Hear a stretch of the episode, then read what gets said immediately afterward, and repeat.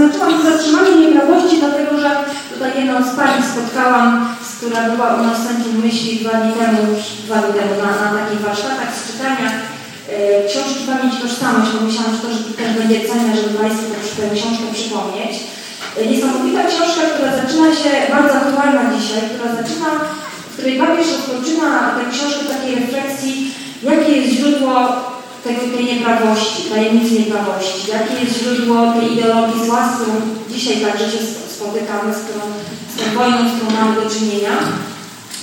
E, I stawia tam właśnie taką e, podstawową tezę mówiącą o tym, że ta, ta, ideologia zła buduje się na po prostu odrzuceniu Boga. Najprostsze wyjaśnienie, oczywiście najprostsze i najtrudniejsze zarazem, ale odrzucenia Boga jako stwórca przez to źródło stanowienia o tym, co dobre, a co złe, kiedy człowiek został sam jako ten, który stanowi o tym, co jest dobre i co złe. Yy, nie mamy tutaj czasu, żeby zrobić jakiś taki może wywód filozoficzny, a tutaj więcej czasu byśmy potrzebowali, ale yy, bardzo mi się podoba mm, takie, taka, takie podsumowanie yy, papieża, który mówi, że te ideologie, źródło i początek ideologii zła widzi w filozofii oświecenia. Wspomina Kardezjusza, mówi, że nawet tak takim językiem uproszczonym mówiąc, Kartezjusz, który miał dobre intencje, wprowadził jednak takie znane Państwu e, modne pojęcie myślę, więc jestem. Papież pokazuje tak naprawdę filozofia chrześcijańska, mówi o tym, e, że powinno się zamienić to, to ujęcie i w zasadzie powiedzieć myślę, więc mnie nie ma. O co tutaj chodzi? No papież właśnie w tej książce i w wielu innych też swoich dokumentach, także w encyklikach robi takie zestawienie mówiące o tym, że w momencie, kiedy zaczęliśmy pomału odchodzić od filozofii tomistycznej, od takiego ujęcia, tomistycznego ujęcia osoby, od realizmu filozoficznego, który mówił, że jest ponad człowiekiem, nad nami jakaś transcendencja, jest jakiś absolut, od którego zależymy, to okazało się, że pomału w tej myśli filozoficznej zaczęliśmy przekierowywać się na takie myślenie, że możemy coraz więcej, że jeżeli nie ma nad nami jakiegoś źródła prawdy, to oczywiście skutkuje tym, że możliwy jest relatywizm w bardzo wielu postaciach. Początkowo relatywizm filozoficzny, potem relatywizm moralny, aż relatywizm taki życia codziennego, z którym na dzień dzisiaj stykamy. I w tej książce Pamięć i Tożsamość ona jest dosyć taka przystępna, bardziej przystępna niż może niektóre pozycje Jana Pawła II. Wspomina, i to jest dla mnie też takie, wydaje mi się, że dla Państwa to chciałabym też przekazać, o takiej triadzie. Trzech encyklik, które napisał. Pierwsza Redemptor Hominis, druga Divesi Misericordia i trzecia Dominium Magnificantem. Nazywa to triadą, ponieważ można powiedzieć, że w tych trzech dokumentach znajduje się, czy papież wypowiada takie, takie, można powiedzieć, kompendium tego, jak to się stało, że e, tak dużo zła e, rodzi się w sercu człowieka, jak to się dzieje, że my z tym złem nie, złem nie potrafimy sobie poradzić, a jednocześnie odpowiada, że właśnie Chrystus jest tym, który e, poradził sobie, więc ten próg nadziei został już przez Niego przekroczony i to jest dla nas taka nadzieja, taka szansa. Tutaj właśnie uwaga, też odwołuje się do tych dokumentów, dlatego że w ostatnich konferencjach od czasu tej inwazji Rosji na Ukrainę uczestniczę w bardzo wielu takich konferencjach, jakichś sympozjach, seminariach, wywiadach. Bardzo rzadko zauważyłam, mówi się o takiej nadziei. Papież jest właśnie ten, który w każdy swój dokument kończy wezwaniem do nadziei. Zaraz dlaczego właśnie o tym. Ta triada na czym polega, jakby jej komplementarność tych trzech dokumentów, tych trzech encyklik? Znane pewnie Państwo, to tylko no, tak pokażę, na czym to połączenie polega. Redemptor hominis, jeżeli by skrócić do jednego zdania, przepraszam, że tak skracam, ale, ale żeby to bardziej zobrazować, można powiedzieć, że tam papież używa m, e, tych słów, które e, powiedział podczas swojej mszy inaugurującej pontyfikat, to znaczy nie lękajcie się. Nie lękajcie się, otwórzcie, otwórzcie drzwi Chrystusowi. I e, papież powiedział, że kiedy potem dawał świadectwo, e, skąd pomysł na te, na te myśli, na ten dokument, na, te, na temat tej języki, to powiedział, że Właśnie ten pomysł na hasło Nie lękajcie się zwróciło się w trakcie, kiedy y, właśnie był w Polsce, był już pasterzem polskim, kiedy przeżył właśnie totalitaryzm y, nazizmu, kiedy przeżył totalitaryzm komunizmu i uzmysłowił sobie, że właśnie człowiekowi brakuje nadziei, że on potrzebuje usłyszeć nie lękajcie się. Bardzo wiele też wypowiedział do młodzieży, potem mówił takie znamienne słowa, że człowiek jest silny tylko wtedy, kiedy wie, że jest kochany. Więc to jest ten pierwszy związek, to pierwszy, najważniejszy przekaz, który mamy z Redemptor Hominis. E, druga encyklika, Pietis Misericordia, papież znowu swoim doświadczeniem polskim uzupełnia przekaz dla całego świata właśnie o Bożym miłosierdziu. Mówi, pokazuje, że no, natura człowieka, e, to, że dostał od Pana Boga wolność, no jest tak skonstruowana, że niestety czasem wybiera dobre, czasem wybiera zło. I e, mówiąc o tej, e, analizując tę przypowieść o mm, synu marnotrawnym, właśnie bardzo mocno pokazuje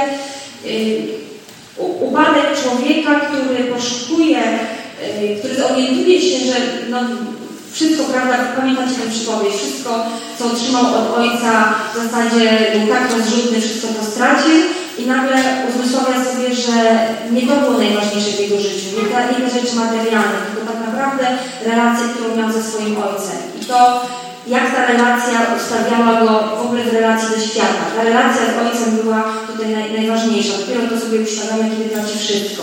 I papież yy, właśnie w tej encyklice daje nam taki przekaz że w, jakby w, tym, w tej kontrze czy w zderzeniu z ideologiami, ideologiami zła, które papież przeżył i które jak widzimy do tej pory jakoś w świecie ciągle krążą, nie możemy zapominać, zapominać właśnie o Bożym miłosierdziu. I trzeci yy, miłosierdziu, które jest po prostu takim, niezależnie od tego, ile złego no, mamy takie poczucie, czy, mamy tę pewność wewnętrzną, że jest jakaś, jakaś miłość, która na nas czeka, niezależnie od tego, ile tego zła dokonamy. Ale uwaga właśnie najtrudniejszą i y, uzupełniającą to wszystko jest trzecia encyklika Dominum Edificante, y, w której papież mówi, no ale dopuszczalne, czy są możliwe takie sytuacje, kiedy, kiedy my nawet w obliczu kontaktu z tym miłosierdziem Bożym, czy miłosierdziem też Y, skierowanym do nas od drugiego człowieka, no jednak y, decydujemy się odrzucić Boga. I tutaj właśnie papież dlaczego, dlatego poświęca tę encyklikę Duchowi Świętemu, ponieważ że to jest bardzo ważne uzupełnienie tych, tych prac, które do tej pory nam przypomniał. To znaczy jest jeszcze Duch Święty, który przypomni, przypomni światu, przypomni światu o grzechu. I dałam jeszcze tutaj jako takie uzupełnienie dla Państwa, gdybyście chcieli do tego sięgnąć, adhortację Christi Fideles Laici, która moim zdaniem fenomenalnie też zdobywa, mm, czy podsumowuje takie nasze życie codzienne, które jest, czy przedstawia taką tezę papież wydobytą z tego przekazu teologicznego, z nauczania też tradycji Kościoła, które mówi o tym, że pomimo to, że mamy w sobie jakiś grzech, E, osobisty, również jest coś takiego jak grzech społeczny. To znaczy, że to całe zło, które się dzieje wokół nas, to, że właśnie nie, tak trudno nam utrzymywać pokój, związane jest nie tylko z grzechem indywidualnym, który mamy w sobie, ale również z tym, że zapominamy o tym, że jednak jesteśmy jedną wielką wspólnotą i każdy z nas powinien dbać o drugiego. To jest właśnie ten, tak może najbardziej lakonicznie mówiąc, wymiar grzechu społecznego. Odpowiadamy za siebie i ciągle za mało za siebie odpowiadamy, ciągle za mało myślimy o tym myślimy o tym drugim. E, I e, tu nawiązałabym, e, dlaczego właśnie tak ważne jest to pojęcie dla mnie dialogu, tak bardzo nieodkryte moim zdaniem jeszcze w nauce Jana Pawła ponieważ żebyśmy mogli realizować i prowadzać pokój, to po pierwsze musimy uświadomić sobie, że potrzebna jest zmiana w nas samych, że pokój nie dzieje się wtedy, kiedy nasi rządzący decydują o tym, jak ustawiać i realizować stosunki międzynarodowe, ten pokój się zadział. Tylko przede wszystkim to jest nasza własna odpowiedzialność. Pamiętacie, musicie od siebie wymagać. Też jedno z takich ważnych e, przekazów papieża, chociażby inni od siebie nie wymagali, wymagają od siebie. E, I dialog w nauczaniu Jana drugiego pojawia się dla mnie jako takie fenomenalne nawet nie narzędzie, nawet nie środek komunikacji, tylko raczej jako postawa, która pozwala nam tak dalece zmieniać siebie i relacje, które mamy z innymi osobami, aby właśnie móc urzeczywistniać miłość i pokój w świecie. Teraz, kiedy tutaj jedno z takich cytatów, dialog bowiem może wieść do prawdy jedynie wówczas, gdy jest e, prowadzony nie tylko ze znajomością rzeczy, ale także w podstawie szczerości i otwartości, wrażliwości na prawdę i gotowości do skorygowania własnych poglądów. To zobaczcie Państwo, e, ile treści jest w jednym zdaniu. Po pierwsze, co, co papież, jak papież rozumie pojęcie dialogu? Że dialog jest jakąś przestrzenią spotkania, w której my chcemy dochodzić do prawdy, jesteśmy naprawdę otwarci. Co to znaczy? To znaczy, że papież mówi o tym, że my, gdybyśmy byli gdzieś na bezludnej wyspie albo sami tylko delektowali się swoim własnym intelektem i swoją własną wiarą, E, to tak naprawdę naprawdę byłoby nam dojść bardzo trudno. Potrzebujemy drugiego człowieka, potrzebujemy wspólnoty do tego, żeby wspólnie z tą drugą osobą odkrywać prawdę. O tych ziarnach prawdy na przykład mówi Sobór Watykański II. Teraz dalej. Wieść do prawdy, gdy jest prowadzony nie tylko ze znajomością rzeczy, ale także w postawie szczerości, otwartości. To zwykle E, no tutaj może to nie są mm, takie wymiary teologiczne, ale bardzo e, takie wymiary psychologiczne czy umiejętności komunikacyjne, które każdy z nas można powiedzieć jest zobowiązany do budowania i do realizowania. No i wrażliwość naprawdę, gotowość do skorygowania własnych poglądów. Teraz yy, chciałabym troszeczkę z takiego poziomu yy, no, takiego wykładowego przejść do może bardziej praktycznych, które mi się wydają bardzo ważne i trochę przeniosą nam tego Pawła II, zaktualizują nam jego nauczanie i pokażą, a gdzie on może być przydatny w naszym życiu codziennym. Zobaczcie Państwo, że zrobiłam takie zestawienie. U nas w mojej instytucji bardzo często organizujemy różne debaty, konferencje, spotkania, seminaria. Ciągle mamy taki problem sami ze sobą i z naszymi y, prelegentami, z odbiorcami, no ponieważ mylimy się w tym, czy my naprawdę chcemy zrobić debatę, czy chcemy zrobić dialog podczas tego spotkania. I, i, tutaj też, no dlatego zobaczcie, zrobiłam takie zestawienie najprostsze, które mówi o tym, że jeżeli chcemy realizować debatę, to cała nasza postawa jest nastawiona na to, żeby wygrać tę debatę. Wtedy zobaczcie, cała nasza komunikacja i postawa jest nastawiona na to, żeby przekonać.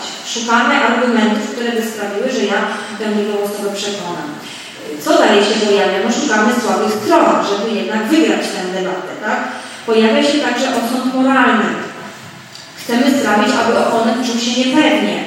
Zobaczcie w kontekście ideologii zła, pokoju, jak tutaj już wiele takich rzeczy negatywnych w naszej postawie może się pojawić. Yy, zmiana, jeżeli zmienimy zdanie, kontekst na przykład polityków można sobie wyobrazić, zmiana zdania jest oznaką słabości. Nie, nie mogę, jeżeli ja naprawdę chcę dążyć do prawdy, no to przecież y, zakładam, że zdanie mogę zmienić, bo coraz więcej wiem. Tutaj w debacie y, no mamy taką, takie nastawienie, że no nie mogę zmienić zdania, będę przy nim trwał, więc pojawia się prawdopodobnie coraz więcej takiego kłamstwa, manipulacji, no i więcej konfrontacji. To jest pewnie taka, takie uczymy się, czy yy, realizujemy, czy, czy korzystamy z takich narzędzi komunikacyjnych, które właśnie pomogą nam skonfrontować się z tą osobą i tę debatę wygrać.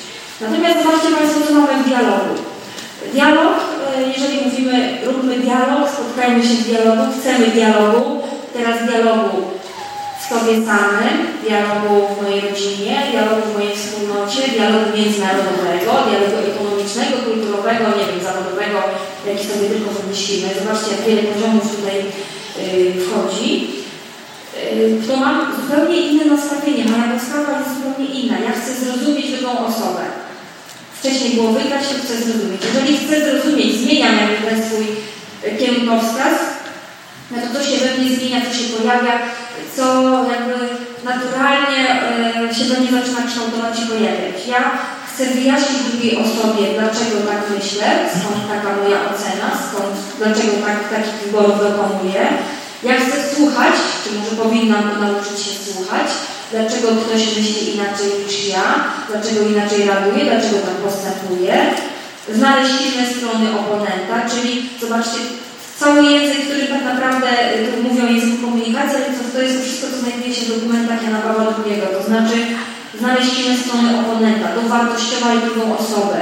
Pokój, mówiłam na początku tego, tego spotkania, to jest wartość, która ma za zadanie dowartościować człowieka, znaleźć jego godność, pomóc nam w tej godności się odnajdywać. Więc jak z, y, uruchomimy sobie taką postawę zrozumienia, no to mamy y, chęć znalezienia y, tych silnych stron drugiej osoby. Y, samodyscyplina, musi się wymagać, prawda? Tolerancja, sprawić, aby oponent czuł się bezpiecznie. Zmiana zdania już nie jest oznaką słabości, tylko oznaką dojrzałości, tak? tej przemiany, która do mnie dokonuje. I język wsparcia. I teraz Nie są oczywiście to nasze zajęcia z komunikacji, ale w teoriach komunikacji jest pięć takich modeli możliwych, w jaki sposób możemy prowadzić rozmowę w sytuacjach trudnych, konfliktowych, właśnie w sytuacjach braku pokoju. Podaję tutaj za przykład tylko tą jedną, która no, wydaje się jest taka najlepsza i najtrudniejsza do zrealizowania, to znaczy taki model win-win, pewnie o tym Państwo słyszeliście, czyli jak sprawić, jak urzeczywistniać pokój i jak sprawić, żeby w relacji z drugą osobą w trudnych sytuacjach, ale także w mało trudnych sytuacjach, żebym ja czuła się, że z tego spotkania wychodzę zwycięska i druga osoba wychodzi zwycięska. Jak sprawić, żeby yy, no właśnie, żebyśmy tym spotkaniu, które się zadziało, które się dokonuje, żebyśmy zrobili to razem. Tutaj ja zapomniałam organizatorom powiedzieć, że może nawet głosik by mi się przydał, więc nie puszczę takiego fragmentu, ale y, mamy na, w Centrum Myślenia Drugiego taki portal JP2 Online. Tam zawiera, mamy na naszej stronie internetowej bardzo dużo takich fragmentów wypowiedzi świadków, którzy y, znali Jana Pawełskiego, z nim pracowali. Jest jeden profesor, dla mnie po prostu niesamowity, Stanisław Grygiel, być może ktoś z Państwa o nim słyszał, papież jak tylko został e, na stolicy Petrowej, to ściągnął go tutaj z Polski. Stanisław Grygiel był kiedyś jego uczniem, pisał u niego e, doktorat, a potem właśnie stał się bardzo znanym profesorem e, na Lateranie, na Uniwersytecie Laterańskim. I jest taki wywiad z profesorem Gryglem, który mówi o tym, że ta świętość Jana Pawła II dla niego polegała na tym, że on umiał klękać przed każdą osobą jak przed tabernakulum. Dla mnie to jest, e, proszę Państwa, niesamowite, jak ja słucham go zawsze to mam łzy w oczach, ponieważ e, no, w sobie właśnie takiej postawy, jak to zrobić, jak to jest w ogóle możliwe e, i to potwierdzają inni też świadkowie, mimo że nie używają tego pojęcia jak przed tabernakulum, żeby każdą osobę traktować, być w takiej relacji nie hierarchicznej. Zobaczcie, że my relacje, zwykle tworzymy takie relacje pionowe Jestem matką dla mojej córki, ona jest mi jakoś podporządkowana, czy ja buduję takie relacje podporządkowania. E, dzisiaj ja jestem na wykładzie, Państwo mnie słuchacie, też jakaś relacja się otworzyła. W pracy zawodowej ja mam jakiegoś dyrektora, lektora, e, nie wiem, tutaj macie Państwo dyrygenta, którego też słucham, nie? że jesteśmy w tej relacji pionowej. Natomiast e, ta, ta, ta zmiana pod kątem właśnie postawy dialogicznej, która prowadzi do takiego pokoju, według Jana Pawła II to jest właśnie uznanie godności drugiej osoby, ale uwaga właśnie dlaczego. Bo miał tę niezwykłą łaskę, że no, był osobą wierzącą, że urodził się i poznał wiarę katolicką, poznał Chrystusa. E, no i no, był wewnętrznie był bardzo mocno przekonany o tym, że każdy człowiek jest stworzony na obraz i podobieństwo Boga. I to mu pozwoliło zbudować taką postawę wobec drugiego człowieka.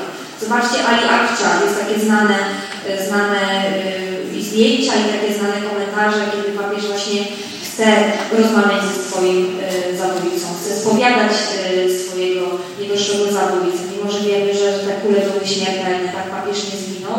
I nawet wnioskował do sądu włoskiego, żeby właśnie skrócona była ta kara aliakczy. Więc zobaczcie, potrafię rozróżnić, czym jest sprawiedliwość, a czym jest miłosierdzie. Ale bardzo mnie to ujęło, jeszcze raz tego to przypomnę, klękać przed każdą osobą jak przed tabernakulum. E, moja dopowiedź jest taka, że uważam, że właśnie to było możliwe dzięki wierze Jana Pawła ale dzięki temu, że właśnie zrozumiał, czym jest dialog. Że zrozumiał, że to jest pewna przestrzeń spotkania, którą umożliwia Bóg, ta rzeczywistość Boża, spotkania z drugą osobą. I każdy człowiek, którego spotykam na mojej drodze, może mi coś dać, jeżeli ja tylko potrafię się przed nim otworzyć, potrafię go słuchać. Nawet ten, albo szczególnie ten, który jest dla mnie trudny, właśnie w, kontekście konfliktu. Y, co robi ta postawa win-win jeszcze? Y, przyjmujemy sobie taką strategię zbierania informacji, szukania rozwiązań alternatywnych. Jestem zdeterminowana wtedy, żeby osiągnąć porozumienie, nie rezygnuję, ja chcę dojść do porozumienia no i mam pewne oczekiwania też wobec tych, którzy są ze mną w tym spotkaniu. To znaczy, mam nadzieję, że oni też są zorientowani na poszukiwanie tych rozwiązań. I teraz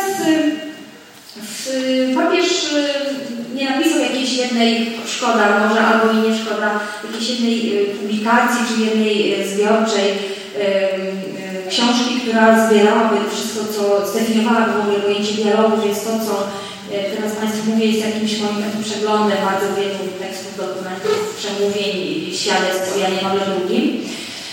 I co, co wydobywam takie cztery poziomy, czy takie cztery punkty, które wydają mi się najbardziej istotne. Że model, że dialog to wiele poziomów spotkania osoby z osobą, to mówiłam właśnie, nie z rolą, jaką tą osoba pełni w społeczeństwie. Oczywiście mamy często takie sytuacje, gdzie ta hierarchia czy ta role są potrzebne. One nam porządkują życie społeczne, papież tego nie neguje, ale e, no, musimy wiedzieć, że poza tą rolą e, dużo ważniejsze e, jest jakby to poczucie, że spotykam się właśnie z człowiekiem, od którego bardzo dużo mogę otrzymać człowiek jako dar.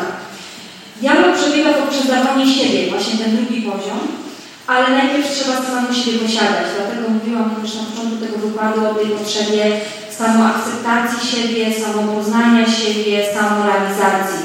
Takiej wewnętrznej chęci ciągłego, może nie doskonalenia siebie, chociaż też, ale y, nie, nie, zawsze lubię to słowo, ale takiego poszukiwania w siebie, co jeszcze mogę rozwinąć. Y, że, że no Pan Bóg, y, nie jestem jakiś gotowy tutaj teraz, tylko mam taką możliwość ciągle zmieniania się, doskonalenia E, rozwijania.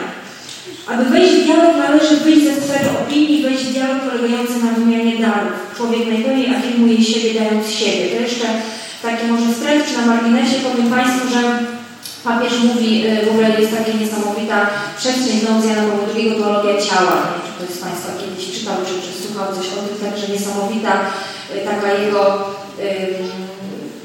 nauka dotycząca relacji między kobietą a mężczyzną, nie tylko uwaga relacji małżeńskich, ale w ogóle budowania, tworzenia relacji między mężczyznami a kobietami. E, ale bardzo mnie ciekawi współczesna ekonomia, której e, od jakichś 20 lat funkcjonuje coraz prędzej taki nurt z ekonomii, może ktoś z Państwa jest tutaj ekonomistą, to by coś też powiedział, ale to się nazywa ekonomia daru.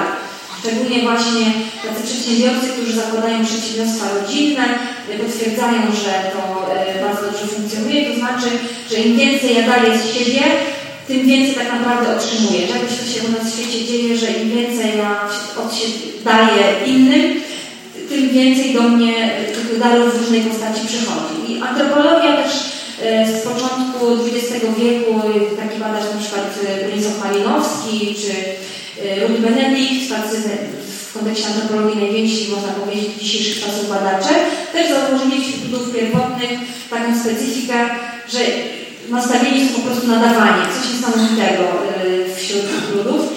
Stąd właśnie antropologia, antropologia ekonomia i teologia też, y, do której jakby z różnych stron racją dochodzi do, do tego momentu dialogu, który przebiega poprzez dawanie siebie.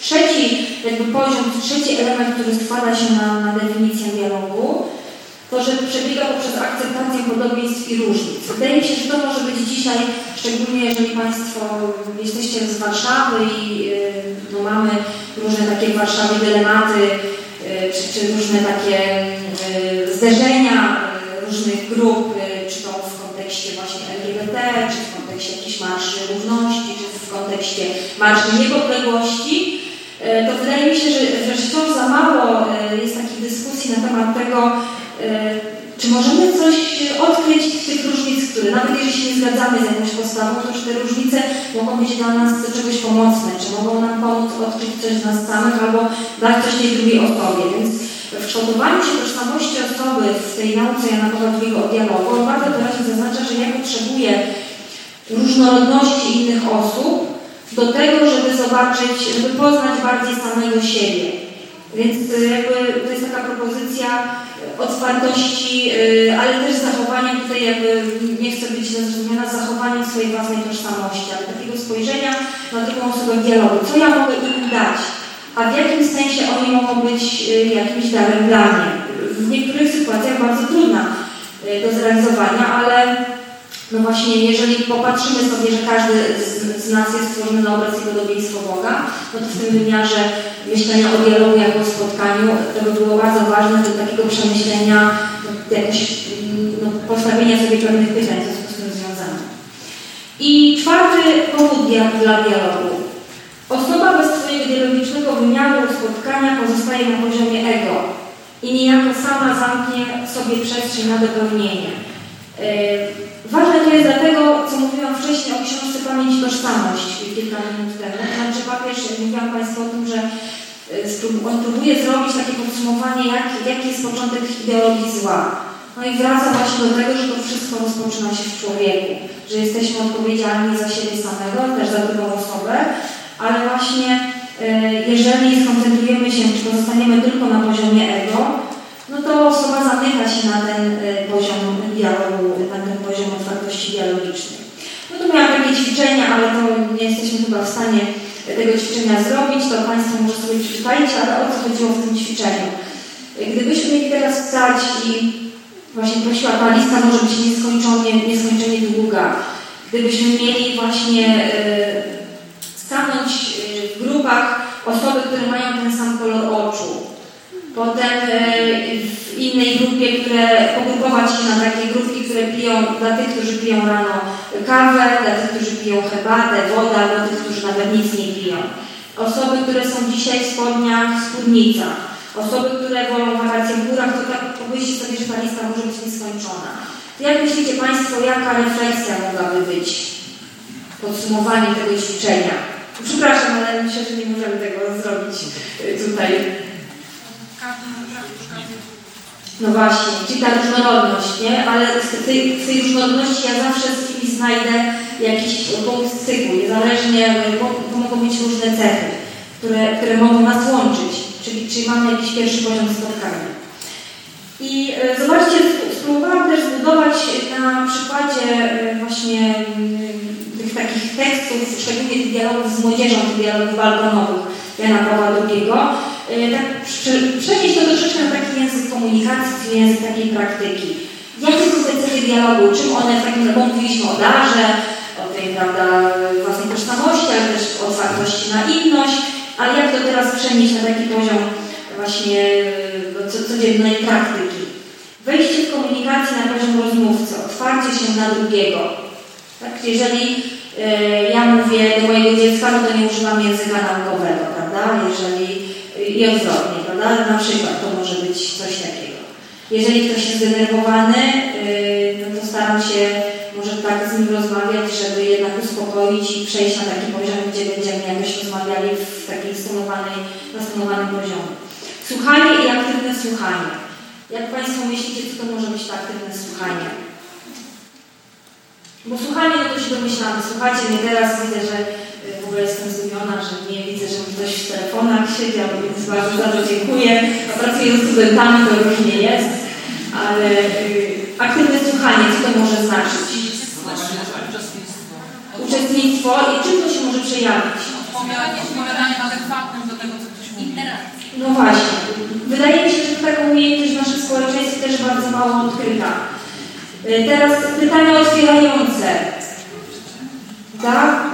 Takie, które nie tylko mogą odpowiedzieć na to pytanie tak, nie.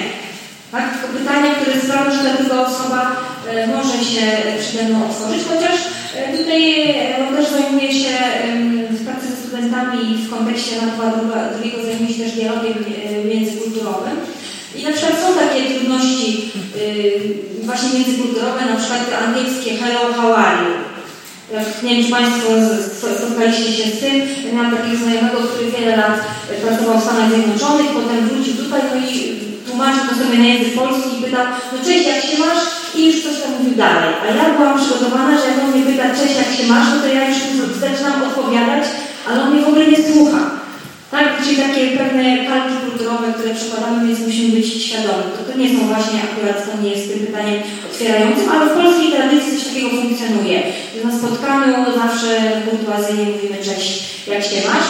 Teraz jestem też zaangażowana na uczelni w taki projekt y, badawczy dotyczący y, komunikacji biznesowej w Afryce. Okazuje się, że coraz większa grupa przedsiębiorców chce chciałaby, y, czy jakby szuka możliwości założenia swojej firmy właśnie na regionach Afryki. No i taka właśnie ciekawostka komunikacyjna, że tam w biznesie w przeciwieństwie do Europy zawsze zaczynamy właśnie od budowania takiej relacji, powiedzenia czegoś o sobie, o rodzinie, o żonie i tam ilość pierwszych spotkań musi w ogóle na tematy w ogóle nie biznesowe, żeby właśnie się lepiej poznać, żeby wejść na ten poziom spotkania z drugą osobą, co, co bardzo mnie właśnie zainteresowało w kontekście dialogu na Teraz znalezienie tego, co nas łączy, pokazanie własnych wartości, tego co jest dla mnie ważne, czyli uwaga właśnie ta samo posiadanie siebie jest niezwykle istotne. Wiedzieć kim jestem, co jest dla mnie ważne, jakie wartości mną kierują, dopiero wtedy ja mogę wejść na, w tym spotkaniu, mogę kogoś obdarować, jeżeli ja jestem pewna, a nie żyję w chaosie i zmieniam co chwilę zdanie i nie wiem dlaczego się złoszczę, dlaczego płaczę, e, dlaczego ktoś mnie drażni, denerwuje, albo dlaczego kogoś obdarza miłością, nie? w takich relacjach bezpośrednich. Dla dialogu to jest bardzo ważne. Pokazanie własnych wartości, tego co jest dla mnie ważne. Pokora wobec siebie. Tu myślę, że jak Państwo znacie Anatola drugiego, to niesamowity e, człowiek, który właśnie nie, nie tylko, że był bardzo mądry, nie tylko, że był papieżem, mógł w zasadzie tak bardzo dużo, zawsze był pokorny w, w tej relacji z drugą osobą. Dar, jestem dla Ciebie, ale i Ty jesteś mi potrzebny, dziękuję Ci. Ja tylko tak nazwałam troszeczkę uprościłam oczywiście bardzo, ale to były te cechy dialogu. Teraz y, kolejna rzecz, o której, y, czy może taka najbardziej komunikacyjna, zaczynam tę część najbardziej może komunikacyjną, czy praktyczną. Nie wiem, czy Państwo znacie taki model, dobrze widać, jakoś yy, przeczytam może to, co jest małymi literkami. W komunikacji to jest taki model góry lodowej. Yy, nie wiem, czy Państwo znacie to, ale tutaj chodzi o to, że yy, w zasadzie w każdym, w każdym spotkaniu, przy każdej relacji, nawet pomyślcie sobie, czy wyobraźcie sobie, teraz nie mamy czasu na ćwiczenia, ale nie zobaczyliście, jak tu stanęłam przy mikrofonie, to prawdopodobnie niektórym wydało się, o, fajnie, ciekawe to będzie, fajnie ta pani wygląda, albo niektórzy, o nie, to będzie nudne, yy, źle się ubrała, nie, pewnie jakieś tysiące myśli mogą tutaj Państwu krążyć. I teraz chodzi o to, że bardzo często w pierwszych, pierwszych spotkaniach, czy pierwszych kilku spotkaniach, takich niepogłębionych, o to tutaj chodzi, bardzo często my nie mamy takiego, takiego, takiego poczucia, takiej świadomości, dlaczego jedne, z innymi osobami chcemy dalej pracować, rozmawiać, spotykać się, a dlaczego w pierwszym odruchu y, na początku chcemy zrezygnować z tego kontaktu z drugą osobą. Nie wiemy, nie wiadomo dlaczego. Więc model góry lodowej pomaga nam to zrozumieć, że to, co jest widoczne dla innych, czyli to na tym poziomie najwyższym właśnie wyobrażeniu, to, co jest nad taflą wody, to jest to, czego jesteśmy świadomi, a więc znaczy, widzimy, jak się zachowujemy, widzimy, jak ktoś wygląda. Możemy też w pierwszych spotkaniach powiedzieć, co lubimy, czego nie lubimy, co jest dla nas ważne. Też nie zawsze w pierwszych spotkaniach to się dzieje. Czyli to, co jest na, na tym poziomie nad patrą wody, to, co jest widoczne dla innych. I zobaczcie, to się odnosi przecież do mnie samej. Jeżeli ja nie mam świadomości tego, co jest widoczne dla mnie, co ja wiem o sobie, to nie będę też wiedziała, co jest widoczne dla innych, jak mnie widzą inni, ale też nie będę potrafiła wyciągnąć z tego spotkania z drugą osobą, znaczy inaczej,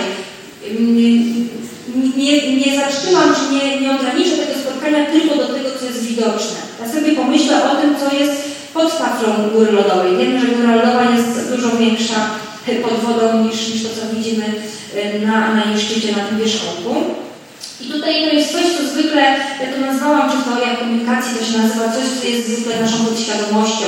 My zwykle w ciągu naszego życia mamy mało czasu i przestrzeni, żeby no, zrozumieć, czy, czy zastanowić się, a dlaczego ja na przykład jestem agresywna w niektórych sytuacjach, dlaczego niekiedy płaczę, dlaczego właśnie, nie mężczyźni z brodą mnie drażnią, a okularnicy to coś tam, coś tam, prawda? Okazuje się, że mamy w nas to, to co jest napisane tą małą czcionką, intencje, przekonania, uczucia, wartości, postawy, które są niewidoczne dla innych. Ludzie, z którymi się spotykam i nie mam głębokiej relacji, taką jaką mam na przykład z moim mężem, czy z moim dzieckiem, czy z moją wiedzą, dlaczego na przykład w jakiej sytuacji ja mówię szybko niezrozumiale, prawda? Nie wiedzą, dlaczego ja na przykład płaczę, kiedy się stresuję, albo no, tysiące innych tutaj rzeczy można sobie wymyślić.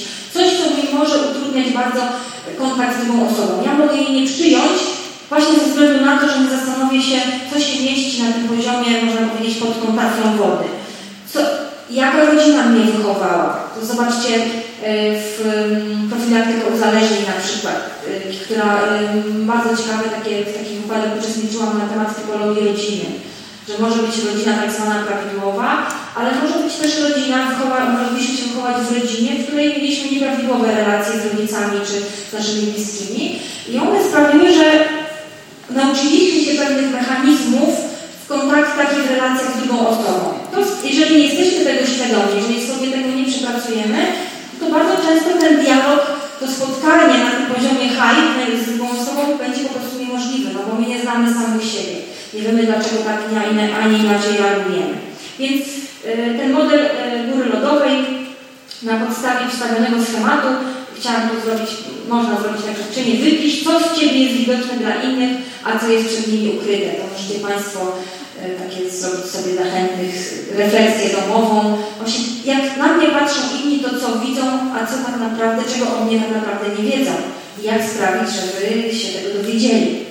Nie chodzi też oczywiście o taki, wiecie, jak to się nazywa, transmisjonizm duchowy, czy jakoś coś tak nazywa, wiecie, po Teraz y, kolejna rzecz, bardzo ważna w dialogu, taka no, prowadząca do tej y, samoposiadania siebie, o której nie używa tych y, diagramów, y, ale wydało mi się to bardzo interesujące, łatwiejsze troszeczkę w przeniesieniu tej teorii na praktykę.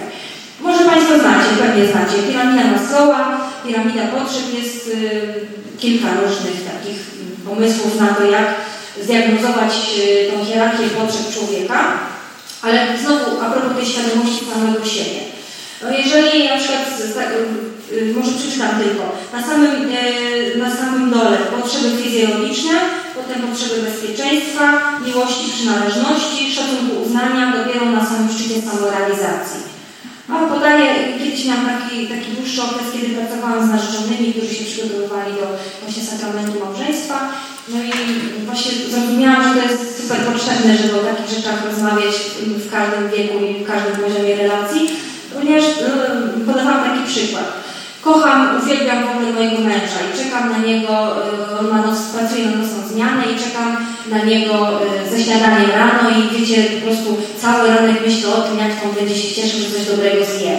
No on przychodzi po nocy i w ogóle nie patrzy na to śniadanie, w ogóle nie daje mi całusa, w ogóle mnie nie przytula, tylko idzie do swojego pokoju, kładzie się i idzie spać. No i jeżeli ja nie poznałam samej siebie, no to co się we mnie rodzi?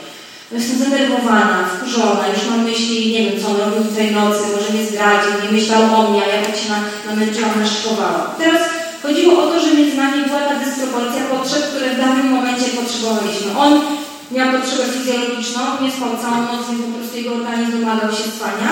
No ale miałam potrzeby jakiejś miłości, przynależności, może szacunku, może uznania, że powie, jakie pyszne śniadanko mi zrobiłaś, jak widzę, jak bardzo mnie kochasz. Prawda? I to możemy sobie, y, no myślę, że każdy z nas ma po prostu codziennie setki takich, takich zderzeń. To jest jeden z głównych powodów naszych konfliktów, czy, czy właśnie nieumiejętności budowania tej relacji dialogu, wchodzenia w tę relację dialogiczną z drugą osobą. Myślę tylko o sobie, nie daję komunikatów, nie mówię, co jest mi potrzebne, ani dlaczego tak się zachowuję, a druga osoba ma e, oczywiście też swój komunikat i swoje wyobrażenie o mnie samej.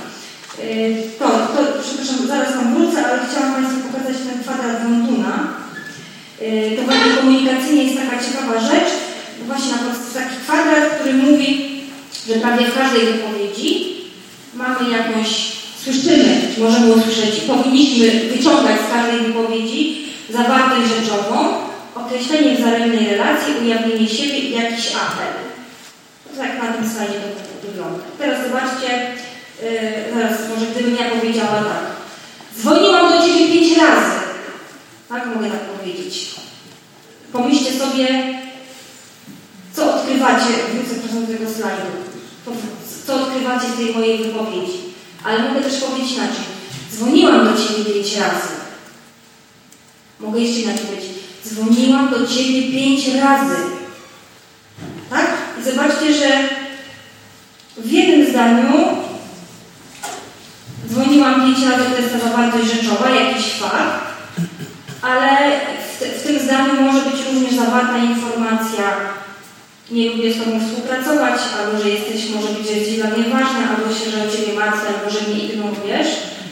I w zależności od tego, jaki ja mam też stan, co przeżyłam w ciągu dnia, jakie mam doświadczenia, jak bardzo rozumiem siebie i jak to samo ma druga osoba, ja mogę zupełnie inaczej zinterpretować yy, właśnie to zdanie, które ktoś do mnie wypowiada. To znowu yy, taki, taki komunikacyjny yy, kryzysik, który miałam z moim mężem. Ja pracuję w dwóch miejscach, na Foxal i na Devices, w dwóch instytucjach i kiedyś powiedziałam, mieliśmy z mężem coś bardzo ważnego do załatwienia yy, i bardzo się cieszyliśmy, chcieliśmy się cieszyć na pewne spotkanie. Ja powiedziałam, to przyjedź do mnie po pracy yy, i zdążymy, wszystko załatwimy. i mąż po mnie przyjechał, zadzwonił, że już jestem i rozładował mu się telefon. I ja wychodzę przed budynek i go wcale nie ma.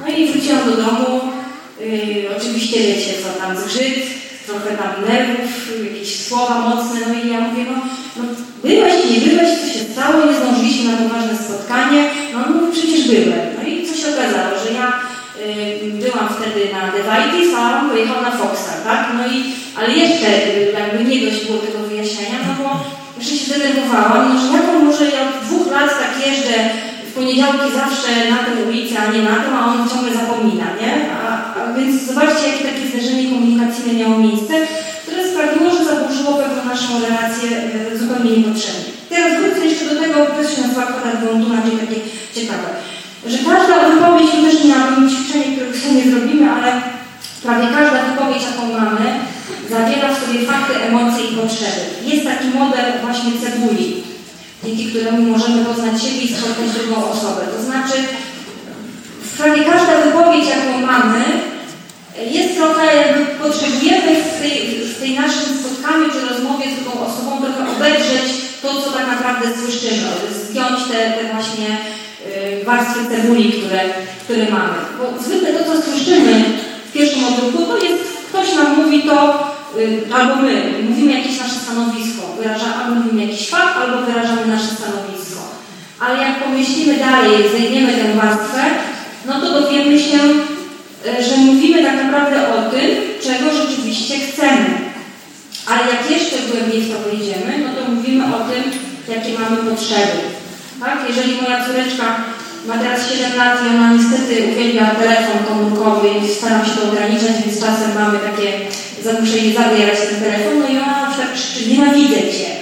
Tak? I teraz chyba najprościej w tym słowie, e, że wcale to nienawidzę Cię mieści w sobie zupełnie inny, tak zwany ten interes tego slajdu i też zupełnie inną y, potrzebę.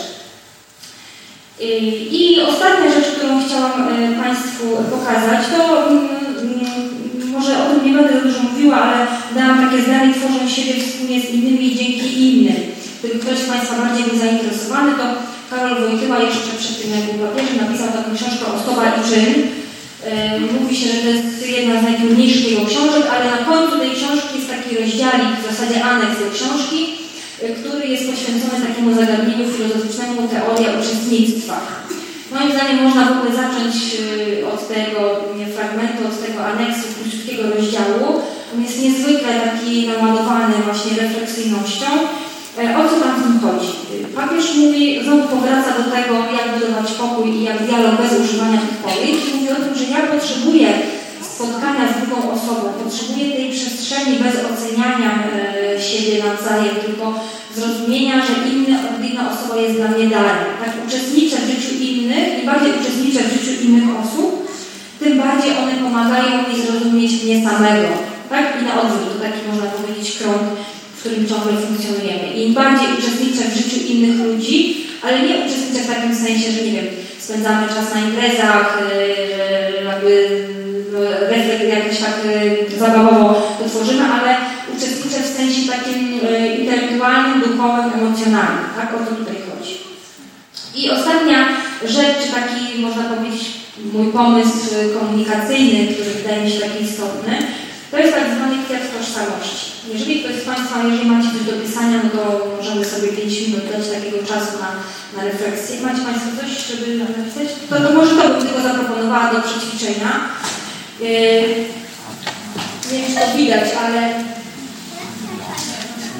kwiat tożsamości polega na tym, żebyśmy zastanowili się, odpowiedzieli sobie na pytanie, jakie są, co tworzy mnie, zastanowili się, co tak naprawdę mnie tworzy i jak bardzo różnie ludzie mnie tworzą. Jak sobie, no e, jeszcze powiem podsumowuję.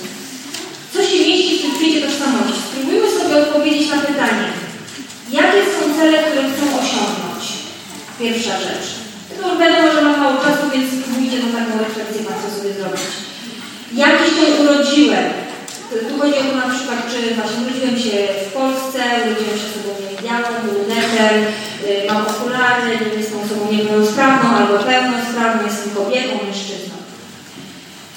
Dalej, trzecia grupa tematów i wątków. Jakie mam wykształcenie i zainteresowania? Następna, jacy ludzie i jakie wartości y, są dla mnie ważne? Następna, jakie są grupy, do których przynależę?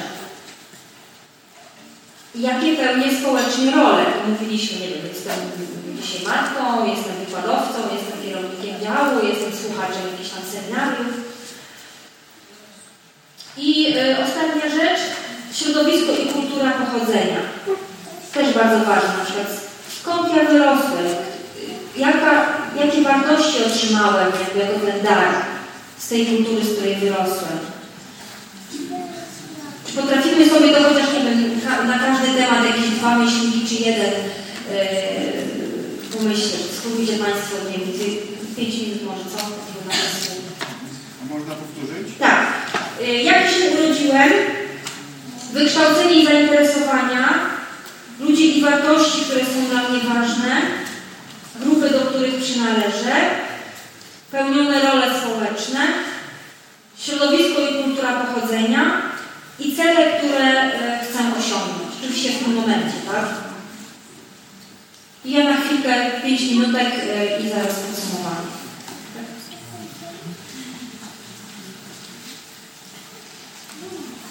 Taka ciekawostka, czy Państwo rozmawiacie kiedyś właśnie, co, co się na mnie składa, spróbujmy pomyśleć. Co to znaczy to samo posiadanie siebie, czy ja o tym wiem?